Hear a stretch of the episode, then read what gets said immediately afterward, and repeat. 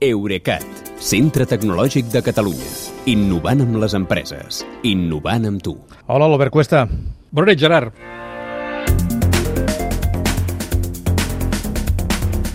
Albert, eh, l'anonimat que, que permeten les xarxes eh, uh -huh. pot provocar situacions insòlites com les dues que ens portes avui. I la primera, pel que deies, té a veure amb Corea del Nord i amb el teletreball.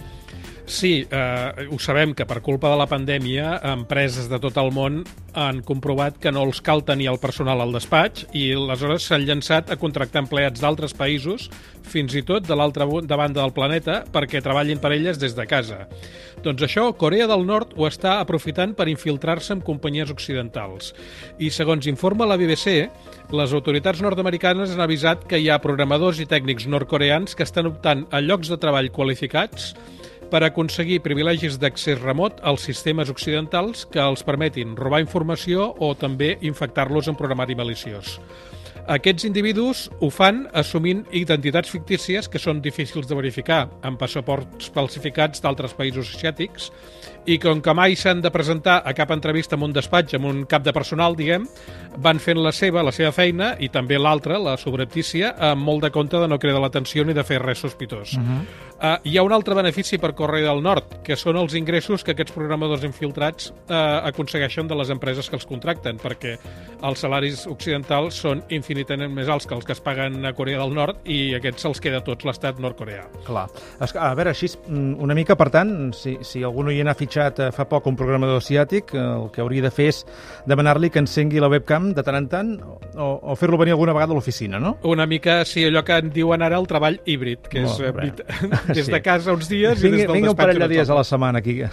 Sí. Escolta, l'altre cas de suplantació, que no és de persones sinó de països, de què va exactament?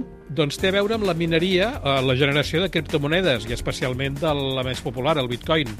Eh, abans, els llocs del món eh, on n'hi havia més eren de miners, eren els Estats Units i la Xina, però l'any passat el govern xinès va il·legalitzar la mineria de criptomonedes i hi ha estadístiques que diuen que durant els mesos de juliol i agost de l'any passat la contribució de la Xina a aquesta activitat va caure a zero.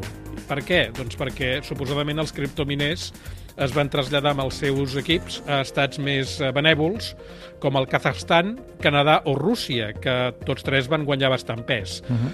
Ara resulta que aquells trasllats de seu no eren tals, eren ficticis.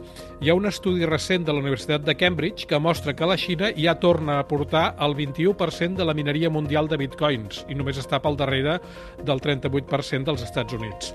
Uh, tot apunta que en realitat aquells criptominers xinesos no van marxar mai de la Xina, sinó que van continuar treballant clandestinament simulant que ho feien des d'altres països gràcies al que s'anomenen VPNs, les xarxes privades virtuals, que és això, aquest software que enmascara la teva connexió a internet amb una adreça IP d'un país diferent.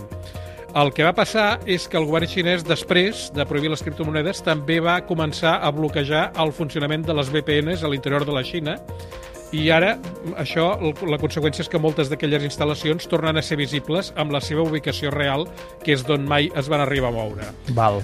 A, això també explicaria una altra cosa, que és que durant els mesos de suplantació les estadístiques mostressin contribucions del 2 o el 3% mundial, que déu nhi des d'estats com Irlanda o Alemanya, on mai s'ha detectat cap activitat significativa de criptomineria.